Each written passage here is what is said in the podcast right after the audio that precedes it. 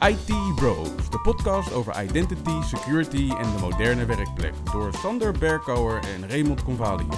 Wekelijks praten we je bij over de laatste ontwikkelingen en ontmoeten we interessante gasten. Volg onze podcast op Spotify of iTunes en stel je vragen op Twitter, ITBrosNL. Ik ben Raymond Convalius. En mijn naam is Sander Berkouwer. Welkom bij aflevering 16 van seizoen 2 van de IT Bros podcast. Met deze aflevering het laatste nieuws, de aankomende evenementen en een productiviteitstip van Ray.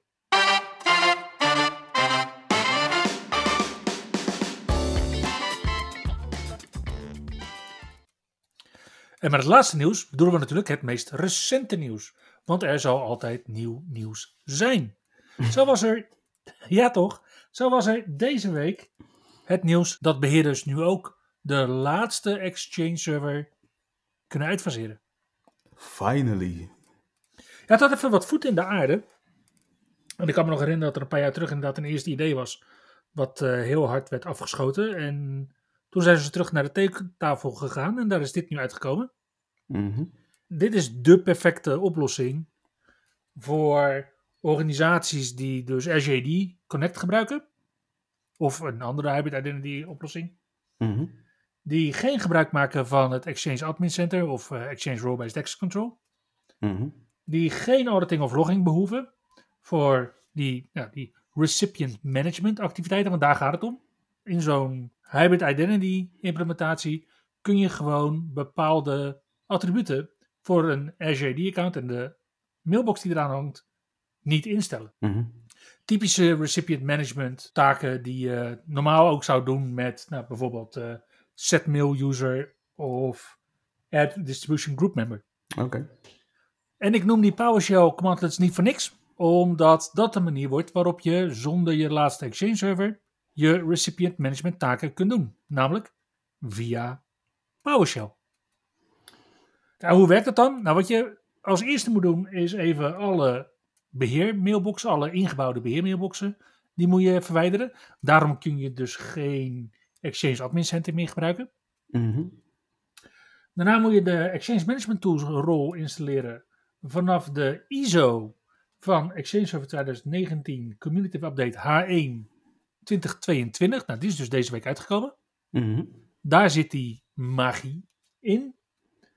En wat je dan doet met een script uit die Exchange Management Tools rol, daarmee maak je de Recipient Management EMT permissies aan. En EMT is dan Exchange Management Tool. Oké. Okay. En vervolgens verschaf je die permissies aan de Domain Admins groep. En later kan het dan weer uh, delegeren natuurlijk. Ja. En leden van die groep kunnen daarna met PowerShell instellingen aanpassen. Nou, dan ben je natuurlijk nog niet van je Exchange server af.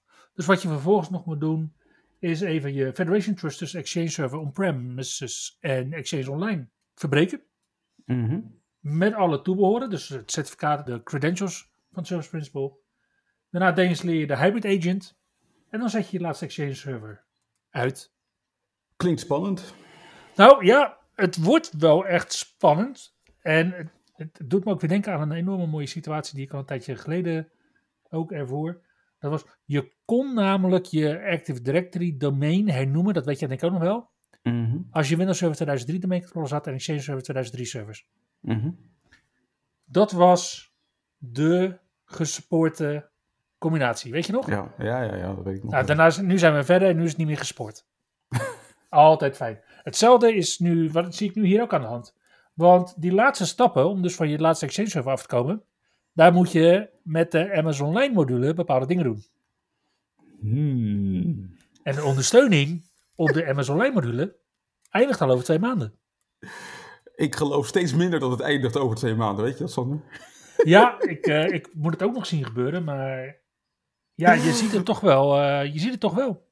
Uh, ja, ik denk dat Microsoft het echt op een ultieme cliffhanger aan laat komen. Om uiteindelijk toch nog op het laatste moment te besluiten om toch maar nog even niet de MS Online module uit te, te faceren.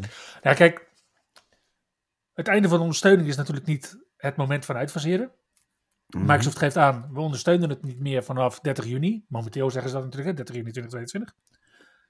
Maar de API, die zijn er nog. En die breken pas iets later. En waarschijnlijk ga je dus nu zien dat die ondersteuning, die echt al twee jaar geleden is aangekondigd, hè?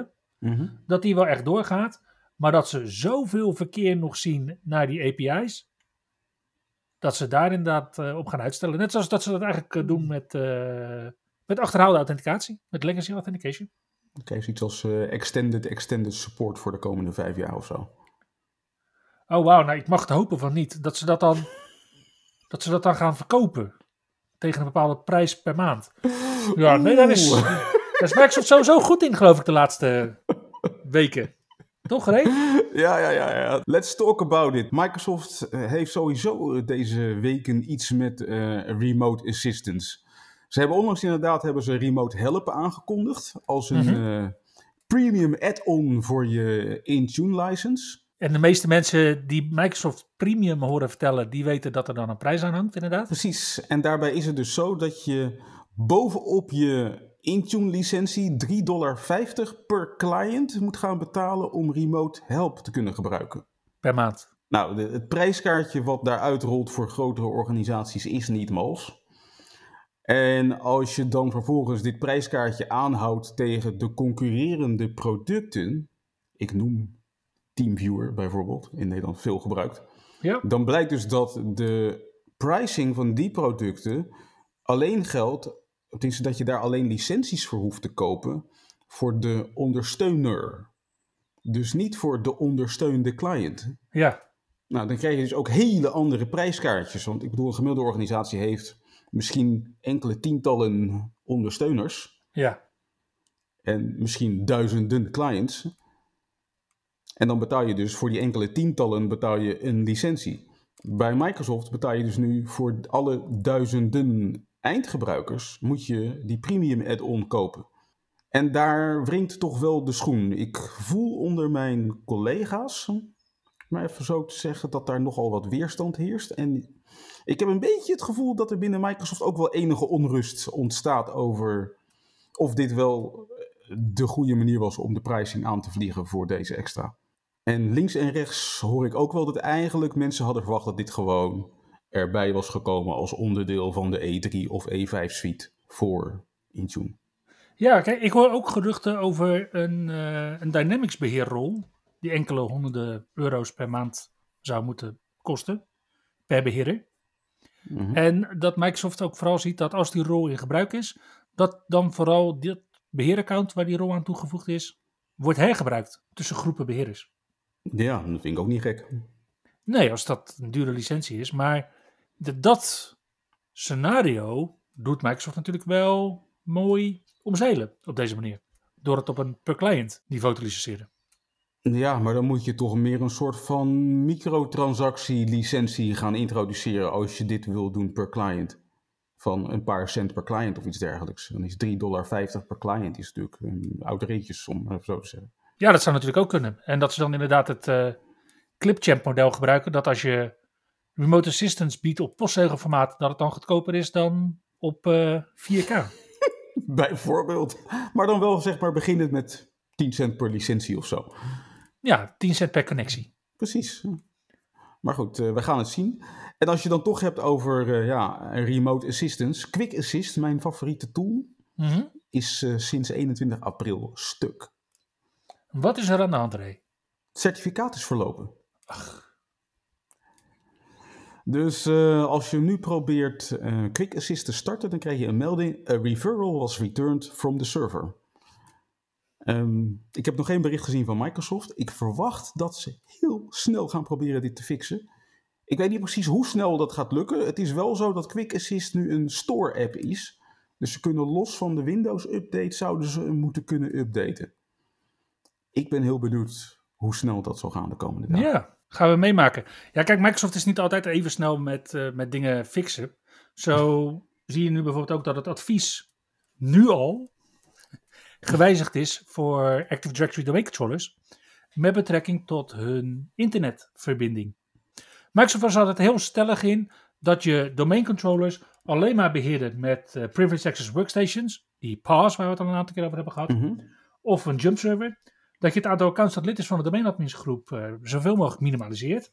Mhm. En dat je geen applicaties van derden op je domain controllers moet installeren. Ja, snap ik. Ja, nou, daar was een vierde aanbeveling bij dat je domain controllers geen internet gaf. Hmm. En die aanbeveling is dus afgelopen week aangepast. Waarbij Mhm. Microsoft zegt van nou, geef je domain controllers maar wel internet, maar zorg ervoor dat dat gefilterd is. Dus dat het alleen maar naar bepaalde URL's mag, of dat dat via een proxy gaat. Mhm. En wat je dus nu ziet, is dat Microsoft eigenlijk het beheer van domain controllers ook naar de 21ste eeuw trekt. Toch nog. Toch nog. Ja, want kijk, als je gaat kijken, Microsoft blaast dan heel hoog van de toren van ja, dat doen we natuurlijk vanwege Defender for Identity. Mhm. Het vroegere Azure ATP, daarvoor was het eh, Advanced Threat Analytics, ATA. En ATA had nog een mooie proxy component. Nou, Azure Advanced Threat Protection al niet meer en Defender for Identity ook niet meer. Mhm. Dus wat je ziet is dat een domain controller steeds meer zelfstandig gaat communiceren richting de clouddiensten van Microsoft. Lijkt me niet zo gek. Nee, nou naast de Defender for Identity sensoren die je op je domain controller kunt installeren, geldt dit bijvoorbeeld ook voor de Azure Connect Health voor ADDS Agent. Die je in Azure Connect Health laat zien hoe je Active Directory in elkaar steekt en je notificaties verstuurt op het moment dat je replicatie niet lekker loopt. Mhm. Het geldt ook voor de Azure Log Analytics Agent. Die kan je bijvoorbeeld gebruiken voor automation runbooks of update management. Mhm. En natuurlijk Defender for Cloud. Ja. En het geldt ook voor de Azure Connected Machine Agent. Die je bijvoorbeeld gebruikt voor Azure Arc. Nou, al die agents en sensoren die gebruiken geen proxy component meer. De Azure die Password Protection Agent bijvoorbeeld wel. Mhm. Die heeft wel een proxy component. Mhm. Maar al die andere componenten dus eigenlijk niet. En het, en het wrong altijd wel een beetje, want eigenlijk wat Microsoft altijd zei is van ja, tier 0 moet je geen internettoegang geven. Nu zie je ADFS-servers hebben internettoegang nodig, want anders kunnen ze gewoon de Reliant Party Trust niet updaten. Azure Connect doet vrij weinig zonder internetverbinding. Ja. En nu zie je dus eigenlijk dat dat laatste stukje advies rondom tier 0 voor je domain controllers nu ook naar gefilterd internet gaat. Nou, ja, als je het mij vraagt, is dit niet meer dan common sense geweest al de afgelopen jaren. Maar oké, het is heel goed dat Microsoft nu ook in zijn documentatie aangeeft dat dit misschien wel common sense is. Ja, ja, precies. Ja, als je het dan toch hebt over common sense. Afgelopen jaar hadden we een soort van eh, televisieserie gaande. Hè? Ik, ik noem het bijna Return of the Walking Dead. Print Nightmare. hè. Ja, En, en guess what? Prince Nightmare is gewoon terug. wauw. Wat is dit dan? Is dit dan Print Nightmare 6 of Print Nightmare 7? Nou ja, ik zei vorige week al, eh, we hadden het over E CVE 2022-22718. Ja, dat was een van de zero-day kwetsbaarheden in eh, Windows, een elevation of privilege. Precies in de. RPC van de Print Spooler Service. Ja, En toen, toen grapte ik vorige week al van, nou, Print Nightmare is back. En inderdaad, hij kreeg een score mee van eh, 7.8 als eh, CVSS-score. ja dat, is, dat is trouwens niet kritiek, hè? dat is gewoon wel belangrijk, maar niet een kritieklek. Maar dat is relatief hoog. En dat, dat is omdat men wel verwachtte dat dit misbruikt zou gaan worden. En inmiddels lijkt het ook gewoon al zover te zijn. Want de Amerikaanse Cybersecurity and Infrastructure Security Agency, oftewel CISA, heeft inmiddels een waarschuwing uitgestuurd dat deze kwetsbaarheid inmiddels wordt misbruikt. Details zijn er nog niet gegeven. Maar eh, ja, ik denk dat het eh, hoog tijd is om, eh, om weer te patchen of de printfaciliteiten voorlopig even uit te schakelen. Wat je natuurlijk sowieso al op je controller zou moeten hebben gedaan. Maanden geleden. Yep. nou, ook 7-zip is kwetsbaar momenteel. Mhm. 7-zip heeft een elevation of privilege, escalation kwetsbaarheid. En dat is een eh, nog niet gepatchte bug in het hulpbestand van 7-zip. Mhm. En het eh, CAM-formaat wat daarvoor gebruikt, dat ondersteunt nog steeds ActiveX. Ja. En Kagan Chapar uit Turkije, die heeft dit ontdekt. En hij zegt, zodra als 7-zip dit heeft gefixt, geef ik proof of concept code uit, zodat je kunt zien eh, waar het is. Mocht je daar nou niet op willen wachten, dan kun je deze kwetsbaarheid, die luistert naar rugnummer E CVE 2022 29072, alvast snel adresseren, Door gewoon dat CRM-bestand van 7-zip te verwijderen. Ja, pijnlijk verhaal dit. En wat ook best pijnlijk is, is dat ze bij Lenovo um, UEFI-kwetsbaarheden hebben ontdekt bij meer dan 100 consumentenmodellen van hun laptops. Hmm. Waarbij twee kwetsbaarheden zijn voortgekomen uit um, UEFI-drivers die onbedoeld niet zijn verwijderd door Lenovo. Als gevolg daarvan is het mogelijk om uh, ja, beveiligingsfeatures van de UEFI te omzeilen door bijvoorbeeld uh, beveiligingsfeatures uit te schakelen of secure boot te disabelen. Nog een andere kwetsbaarheid is een uh, privilege escalation bug die ook in de UEFI zit. En alle drie deze bugs zijn trouwens ontdekt door onderzoekers van ESET, de antivirusmaker. En die geven aan dat uh, zowel detectie als uitschakelen van deze exploits bijzonder lastig is. Wauw, je zou bijna denken dat het nieuws wat Microsoft ons uh, een paar weken geleden voorschotelde, dat Windows 11 een watermark laat zien op het moment dat je machine niet voldoet aan, nou onder andere Secure Boot, dat dat hiermee misschien samenhangt. Zou zomaar kunnen, want toevallig ontdekte ook Kaspersky deze week een uh, zogenaamde UWV bootkit. Dus gewoon echt een exploit in the wild. Oké. Voor uh, UWV uh, machines. En die hebben ze Moonbounce genoemd. En, en ook daarvan geeft Kaspersky aan van ja, dit zit wel zodanig in elkaar dat zowel detectie als verwijdering hiervan een bijzonder lastige klus gaat worden. In theorie zou je een refresh kunnen doen van je, uh, van je UWV-module. Mhm. Ja. Alleen het is nog maar de vraag of dat inderdaad ertoe gaat leiden dat je van de malware afkomt. Ja, wat je ziet is dat steeds meer malware inderdaad ook uh, meerdere gradaties kent. En dus ook inderdaad op de harde schijf, in firmware, in backups, overal wil gaan zitten. En daar blijft slapen totdat een opportun moment zich voordoet om inderdaad alles in één klap te infecteren. Ja, of om zichzelf te kunnen herstellen. ja, herstellen naar zichzelf. Precies. Ja, in de categorie oud nieuws uh, bleek van de week dat uh, de NSO-groep, je weet wel, mm -hmm. die groep softwaremakers uit Israël, die uh, van die exploit kits verzorgt, waar allerlei overheden zich van bedienen om onder andere iOS-gebaseerde devices mee te hacken. Mm -hmm. Uh, dat die beschikte over een zero-D en zero-click vulnerability in iOS. Okay. Maar dan in iOS versies van voor versie 13.2. Nou, inmiddels zitten we volgens mij op versie 15.4. Ja, ja, maar je hebt natuurlijk uh, nog heel veel iPhone 6's bijvoorbeeld in het wild. Die niet kunnen upgraden naar deze versie. Oké, maar die draaien toch volgens mij ook op versie 14 of niet? Nee, dat is vanaf de iPhone 6S. Oké, okay. nou dus ja, als je dan inderdaad nog zo'n oude iPhone 6 hebt, dan uh, blijkt daar een exploit in te zitten die dus uh, actief is misbruikt door de NSO-groep om mensen uh, ja, van malware te voorzien waarmee ze konden worden afgeluisterd door uh, kwaadwillende mogendheden, om het maar even zo te zeggen. Ja, en als je daar de dupe van bent, dan, ja, dan werkt bijna niks meer als tegenmaatregel. Nope. Dan kan je nog zo hard in de Authenticator app op iOS mooie nieuwe sterke wachtwoorden genereren.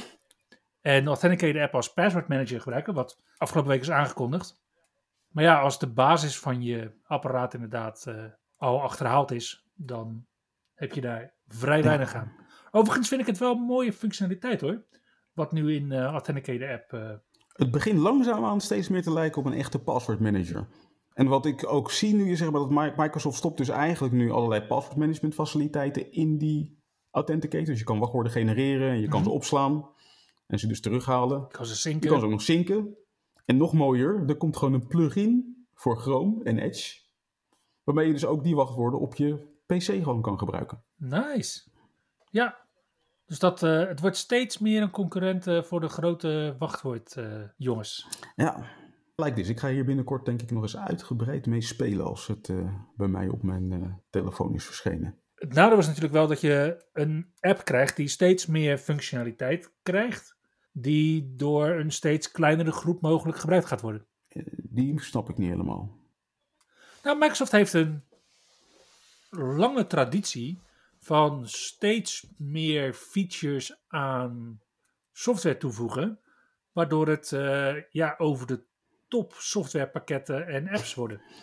Die fiets. Ja, ja, ja. Ik, ik, snap waar je heen wil. Aan de andere kant denk ik dat de wereld wel behoefte heeft aan een goede, laagdrempelige password manager. Ja, maar als je dan kijkt naar de recente rechtelijke uitspraak dat bedrijven medewerkers echt wel mogen vragen om een Authenticator app op hun apparaat te zetten, Mhm. dan snap ik wel de tendens dat steeds meer medewerkers aangeven dat ze liever Google Authenticator gebruiken dan de Microsoft Authenticator. Omdat het gewoon een flink kleinere app is. Oké, ja. Met minder functionaliteit. Uiteraard met minder functionaliteit, maar ja, functionaliteit die ze ook niet nodig hebben, omdat ze het apparaat veel meer een privéapparaat zien dan een zakelijk apparaat waar je aan de zakelijke policies moet voldoen. Ja. Got it. Waar dan weer ook weer heel veel weerstand mee is. Toch, minister De Jonge? Toch, meneer Van Dissel? Tja. Tja, nou ja, goed. Laat het in ieder geval uh, volwassen technologie zijn. Want uh, als we het over nog niet zo volwassen technologie hebben, dan hebben we het over uh, de decentralized finance platforms die de wereld bestormen momenteel. En waar er zo af en toe eentje van grof op zijn bek gaat. En afgelopen week was dit helemaal raak voor Beanstalk Farms. En wat is dat, daar aan de hand? Nou ja, goed, uh, dit uh, decentralized uh, finance platform, waar men dus kon handelen in beans, een soort van tokens die daarop rondgingen, Mm -hmm. um, kende een systeem waarbij je, als je meer investeerde, had je meer invloed op de ontwikkeling van het platform. Ja, het is een proof-of-stake ja. systeem. Ja. En blijkbaar is iemand daar in staat geweest om het systeem zeg maar, te kapen op een dusdanige manier dat hij alle fondsen uit dit systeem heeft kunnen trekken. Om precies te zijn 180 miljoen dollar. Oké. Okay. En het schijnt dus dat diegene nu vervolgens een soort van grote witwasoperatie is gestart met die Uiteraard. Crypto's die hij heeft vergaard. En Beanstalk Farms is nu hulp aan het zoeken om te kijken of ze de, wat ze noemen, exploiter kunnen achterhalen. Het hele scenario is best ingewikkeld. Ik denk dat het misschien wel leuk is om een keer iemand uit te nodigen om dit iets dieper aan ons uit te leggen. Maar het schijnt dus dat de, de hacker uh, gebruik heeft kunnen maken van een soort van uh, hele snelle leningen om voldoende geld Mhm. mm -hmm. te verkrijgen. Om zeg maar Beanstalk leeg te trekken. En nadat hij het heeft leeggetrokken, heeft hij vervolgens die leningen weer terugbetaald. En heeft hij 180 miljoen dollar overgehouden om mee aan de haal te gaan. Nou, ik denk niet dat hij 180 miljoen dollar heeft overgehouden. Ik denk dat hij iets minder dan 90 miljoen dollar heeft overgehouden. En hoe kom je aan die rekensom? Ja, als je een, in een, in een proof-of-stake model, mm -hmm. als je daar een meerderheid hebt, dus 50,1% bijvoorbeeld, mm -hmm. dan kan je inderdaad de regels van het platform kun je stellen. En dan kan je dus inderdaad zeggen van betaal alles aan mij uit. Mm -hmm. Voordat je die stake hebt, moet je dus al de helft hebben geïnvesteerd. Mhm. Als de totale buiten 180 miljoen dollar is, dan heeft hij dus zelf al 90 miljoen dollar geïnvesteerd. Ja, maar als hij die 90 miljoen had, oké, okay, had hij die geleend en dan heeft hij inderdaad dat weer terugbetaald en dan is hij er zelf met die andere 90. Hmm, ja, goed verhaal. Ja. Ik kan hem volgen. Ja, maar al dat praten over steek, daar krijg ik wel honger van. Tja. Wat we ook zien is dat in navolging van de gemeente Emmen, Koevoorde en Borger, Odoorn, dat er ook twee Gelderse gemeentes iets recenter zijn getroffen door ransomware. En volgens een woordvoerder zijn er 130 gig aan gegevens ontvreemd. En er wordt gesproken van ruim 730.000 bestanden. Met daarin gevoelige persoonsgegevens en vertrouwelijke informatie. Deze informatie is inmiddels al meermaals verkocht op het dark web. En de gemeentes hebben dus ook al gedupeerden op de hoogte gebracht. En gewaarschuwd dat kwaadwillenden mogelijk met deze informatie zich kunnen voordoen als iemand van de gemeente of een bank. Oeh. Dus dat betekent nu dat heel veel mensen nieuwe paspoorten en rijbewijs moeten aanvragen? Dat zou zomaar kunnen als dat gegevens zijn die gelekt zijn. Zo, dat is een uh, pijnlijk verhaal. En uh, ja, er zit wellicht nog meer pijnlijks uh, aan te komen als blijkt dat dit verhaal klopt. Het schijnt namelijk dat Apple Pay en Google Pay momenteel de nieuwe targets zijn voor grootschalige malware scams. Op diverse Telegram groepen gaat er nu een scammethode rond waarbij er sprake is van bepaalde malware die wordt geïnstalleerd op mobiele telefoons om de sms-controlecode af te vangen bij het activeren van Apple Pay en Google Pay. En dat deze sms-code vervolgens wordt doorgestuurd naar een scammer die vervolgens de betreffende creditcard op zijn telefoon kan activeren. Nou, denk je al vervelend, gestolen creditcard op iemand anders zijn telefoon. Het wordt nog vervelender als dan blijkt dat creditcardmaatschappijen voor hun fraude-analyse en fraude-detectie zich momenteel eigenlijk nauwelijks richten op mobiele telefoons, of in ieder geval minder richten op mobiele telefoons, omdat deze payment systemen veel minder informatie doorgeven aan die creditcardmaatschappij dan wanneer je gewoon je creditcard gebruikt. Ja. Dus de fraudeurs kunnen ook nog eens een keer een stuk langer waarschijnlijk beschikken over die creditcards en daar allerlei dingen mee doen voordat ze gedetecteerd worden. En dat is dus wel een, eh, een pijnlijk verhaal. Ik, ik, ja, er is nog niet, verder nog niet zo heel veel over bekend. Zowel Apple, Google als Samsung geven aan dat ze uh, zwaar leunen op bestaande detectiesystemen en dat ze toch prima in staat schijnen te zijn om dit af te vangen. Dus het is nog even niet helemaal duidelijk in hoeverre dit echt tot grote problemen gaat leiden. Maar het is wel zaak om waakzaam te zijn op wat voor software je installeert op je mobiele telefoon. En zeker als je iets gaat doen met uh, Apple Pay of Google Pay. Precies. Houden hem in de gaten.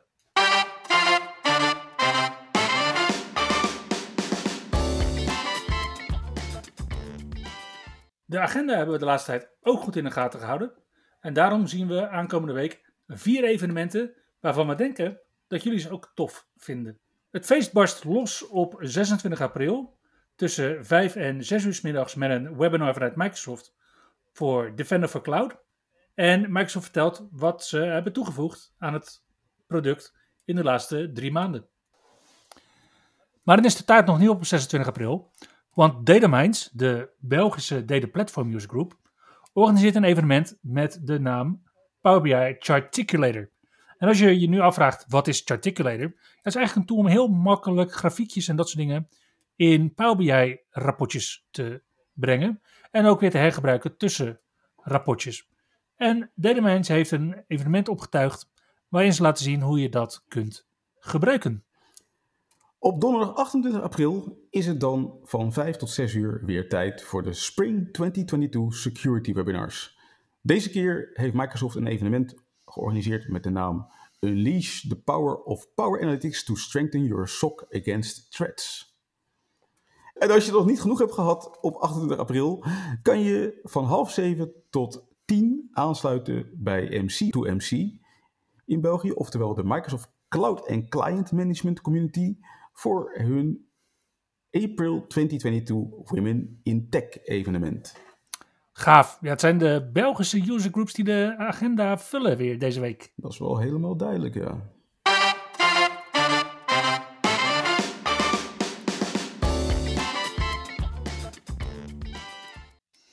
Hey Ray, wat is de productiviteitstip deze week? Nou, ik heb deze week weer een nieuwe feature ontdekt in Windows 11 waarvan ik echt geen idee had dat die er was. Hey, maar wacht eens even. Ray, iedereen zegt toch dat er helemaal geen nieuwe features in Windows 11 zitten? Nou, ik ontdek iedere week weer iets nieuws. Oké. Ja, deze keer kom ik erachter dat Windows 11 de mogelijkheid biedt om je te laten waarschuwen op het moment dat er applicaties worden toegevoegd aan je start-up apps in Windows. Je weet wel, vroeger gebeurde het nogal eens dat je zeg maar van die uh, ja, uh, adware installeerde die zichzelf dan even toevoegde aan de start-up apps. Mm Waarna je iedere keer bij het opstarten van Windows onaangenaam werd verrast met weer een nieuwe advertentie. Ja, ja, Adobe Reader uh, Updater. Bijvoorbeeld. Nou, Bijvoorbeeld. En nu kan je dus gewoon naar settings gaan, vervolgens system notifications. En dan in die lijst van notifications, daar zit dus nu een start-up app notification. Waarbij je dus kan inschakelen dat je een melding wil krijgen zo gauw er een applicatie wordt toegevoegd aan de applicaties die starten samen met Windows. Cool. Dus uh, ik raad iedereen aan om dit aan te zetten. En kan je dit ook aanzetten met MDM? Vast wel, maar ik heb de optie nog niet bekeken. Oké. Ja, dat, uh, dat wordt een belangrijke voor uh, alle System Center beheerders onder onze luisteraars. Nemen we mee voor een volgende keer. Daarmee komen we het einde van aflevering 16 van seizoen 2 van de IT Bros podcast. Dankjewel voor het luisteren en tot de volgende keer. Tot de volgende keer. Je luisterde naar IT Bros, de wekelijkse podcast over identity, security en de moderne werkplek. Abonneer je op Spotify, iTunes of Google Podcast als je de volgende aflevering niet wilt missen. Heb je hints of tips? Laat dan van je horen op Twitter. @itbrosnl